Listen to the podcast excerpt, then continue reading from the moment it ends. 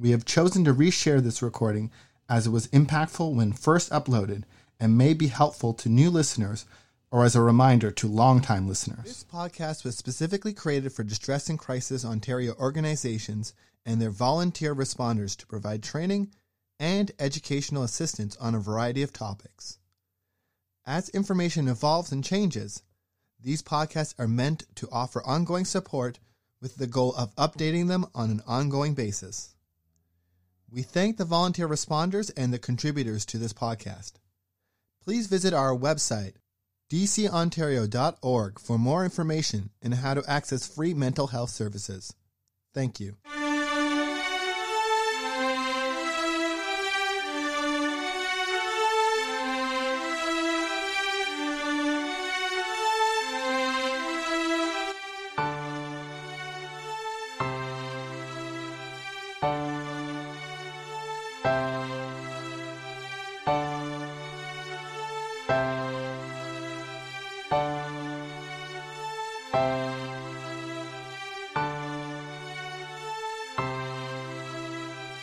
Hello, and thank you for choosing to listen to our podcast. We hope it offers you useful information and resources.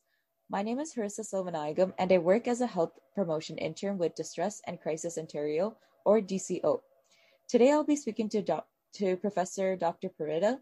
He completed his BSc with a specialist in psychology at the University of Toronto and completed both his MA and PhD in clinical psychology at Queen's University, as well as a one year clinical internship at the Queen's Elizabeth II Health Sciences Centre in Halifax. Dr. Perretta has published research in the field of cognitive aging. Currently, he divides his professional time between teaching and clinical practice.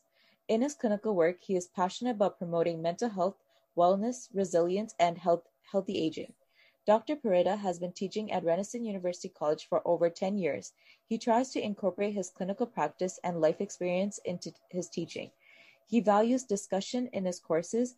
He believes that learning is an, an active process in which students construct new ideas or concepts based upon their current and past knowledge. As always, our member centers and the ONTX program are available to provide support if you need someone to speak to. You can find your nearest center or access ONTX by visiting our website at www.dcontario.org. Just a reminder, many of our member distress lines operate 24 hours a day, 7 days a week, while ONTX runs from 2 p.m. to 2 a.m. daily. Hello, Professor Perretta. I'd like to start off by asking you if you could um, tell our listeners today a little bit about yourself and the work you do. I'd be happy to tell you a bit about myself, Harisaa. Thank you for inviting me to join you on this podcast. I've actually never done one before. I'm fortunate to serve in the community in a variety of roles.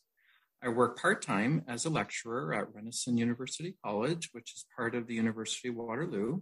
One of my courses is called Theories of Individual Counseling Psychology, and other ones deal with resilience, optimal living, and aging. I also work part time as a clinical psychologist in Guelph, Ontario. My clients often struggle with anxiety, depression, workplace stressors, or post traumatic stress disorder.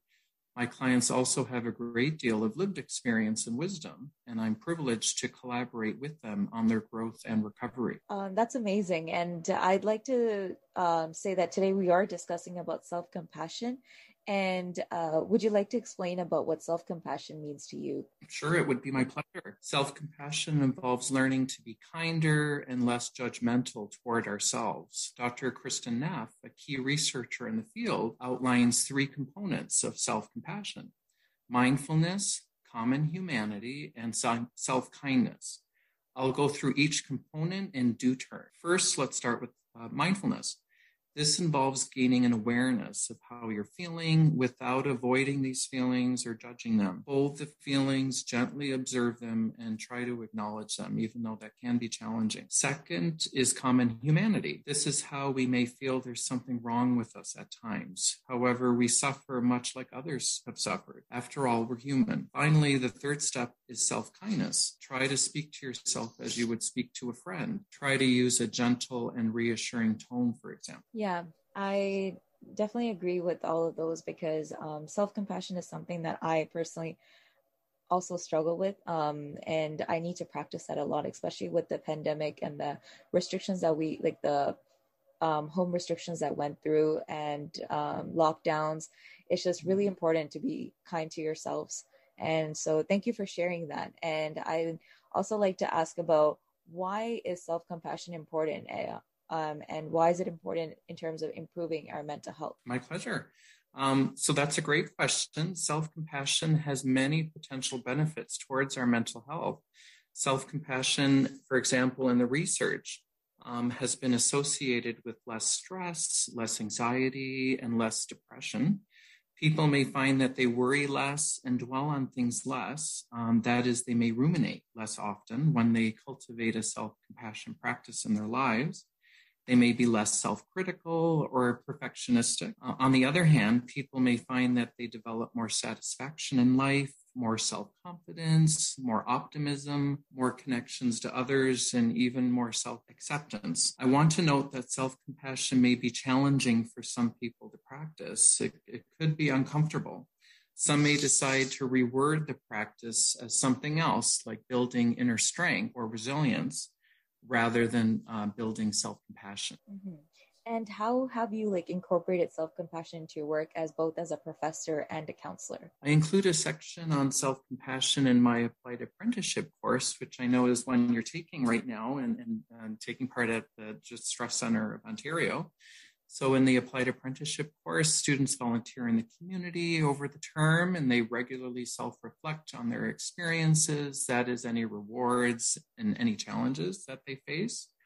Um, many students might doubt themselves or their abilities to help in various capacities. So, self compassion actually is a simple and effective way to help students who may doubt themselves. And it's important to understand that many students doubt themselves, especially early in their careers in the helping professions, which includes like counseling, social work, uh, psychology. Um, students may feel like an imposter. That's quite common, uh, but we don't talk about it enough. Mm-hmm. That is true. And I also wanted to say that I recently wrote a newsletter for DCO about self compassion and the work Kristin Neff has done developing a self compassion skill. How do you feel about Neff's work? I know that we spoke on Neff's work um, there was a lecture mm-hmm. in class actually that was taught by you um, in the applied apprenticeship apprenticeship course uh, about Kristin Neff. Uh, would you like to share about um, how do you feel about her work? Oh my God, I think she's amazing. And I, I definitely think she's done a lot of work in promoting self compassion and mindfulness practices. She's written an excellent book, very user friendly, with uh, Christopher Germer called The Mindful Self Compassion Workbook. Many of the exercises from this workbook are actually available at no cost through Kristin Neff's website. I don't know many clinicians or researchers who offer their work for free to the public. To me, this indicates the tremendous goodwill that Dr. Neff promotes to the public. Not only is Dr. Neff a researcher, she also runs many workshops and collaborates extensively with others She's regularly interviewed by others online, and she put together an excellent TED Talk, which is widely viewed as well. I've also got taught like Kristin Neff's work in another class as well. So it's really amazing on what she does and how uh, she tries to improve people's um, self compassion and how they can be um, adapted to it. So I uh, wanted to ask for those who are interested, what would you recommend as a good first step to begin practicing self compassion? So again, I think we can go back to Kristin Neff because she's done so much great work at disseminating uh, research and making it uh, user friendly and accessible. So Kristin Neff has a great website. I think that's a, an amazing first step to check out, uh, www.selfcompassion.org.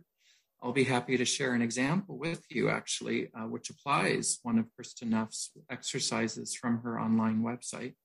So, uh, you know, let's say you apply for a promotion at work, but you're not selected for this position that you really, really wanted.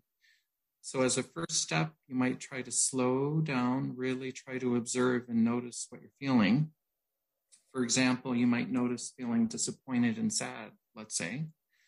Um, you might try to talk to yourself as you would talk to a good friend. For example, you might tell yourself something like, you know what, it's hard right now. I worked hard for that promotion. I'm going to try to slow down and acknowledge how I'm feeling. Um, you know what, I am disappointed. It's sad. It's human. It's human even to feel disappointed in this situation. And I'm going to try my best to be kind right now. I want to note as an aside that, you know what, it's not just what you say, but it's how you say it. Try to slow down, be patient with yourself. Try to use a calming tone of voice. Some people may even be encouraged to gently touch their cheek or their shoulder or the center of their chest around where their heart is a soothing gesture like this might help as you uh, you know as you would show for someone you care about. You don't need to use the soothing touch if it feels a little artificial but this physical action may deepen the practice for some individuals. Wow that's amazing like how you shared about what people go through and this is amazing. Thank you for sharing and um, is there anything else that you would like to add on that we haven't already covered I wanted to mention that as a first step, an individual might start by addressing a smaller concern, you know, before applying self-compassion to something bigger in life. Even even um, the promotion example that I gave, that might be a big one to, to start with. So maybe start with something that's just a little irritating. We all go through little irritations in our day-to-day life, so that might be good to to start with something relatively minor. And then I, I want to emphasize that it's okay. You know, this could be challenging work to do. Take your time, try to be patient with yourself. Maybe approach it as a gentle experiment. I know Kristin Neff and Christopher Germer in their work, their workbook, they really talk a lot about try to try to you know, don't push yourself too hard. Try a little bit at a time. Try to tell yourself something encouraging regularly, even daily. You know, it could be something small like, you know, may I be grounded, safe, and healthy. And, you know, may I try to be patient. And I, I also just want to emphasize try to remember that we're all a work in progress. Mm-hmm. Well, thank you for sharing your tips. And thank you, Professor Perretta, for taking the time and going through what self compassion means to you and how self compassion can be practiced among other individuals. And so, this is great. And um, I also like to tell our listeners that if that our member centers and the ONTX are available if you need them, and the information for contact with them as shared at the beginning of the episode can also be found on episode notes. Thank you for listening to this week's podcast. We wish you all the best and hope you'll join us again next week.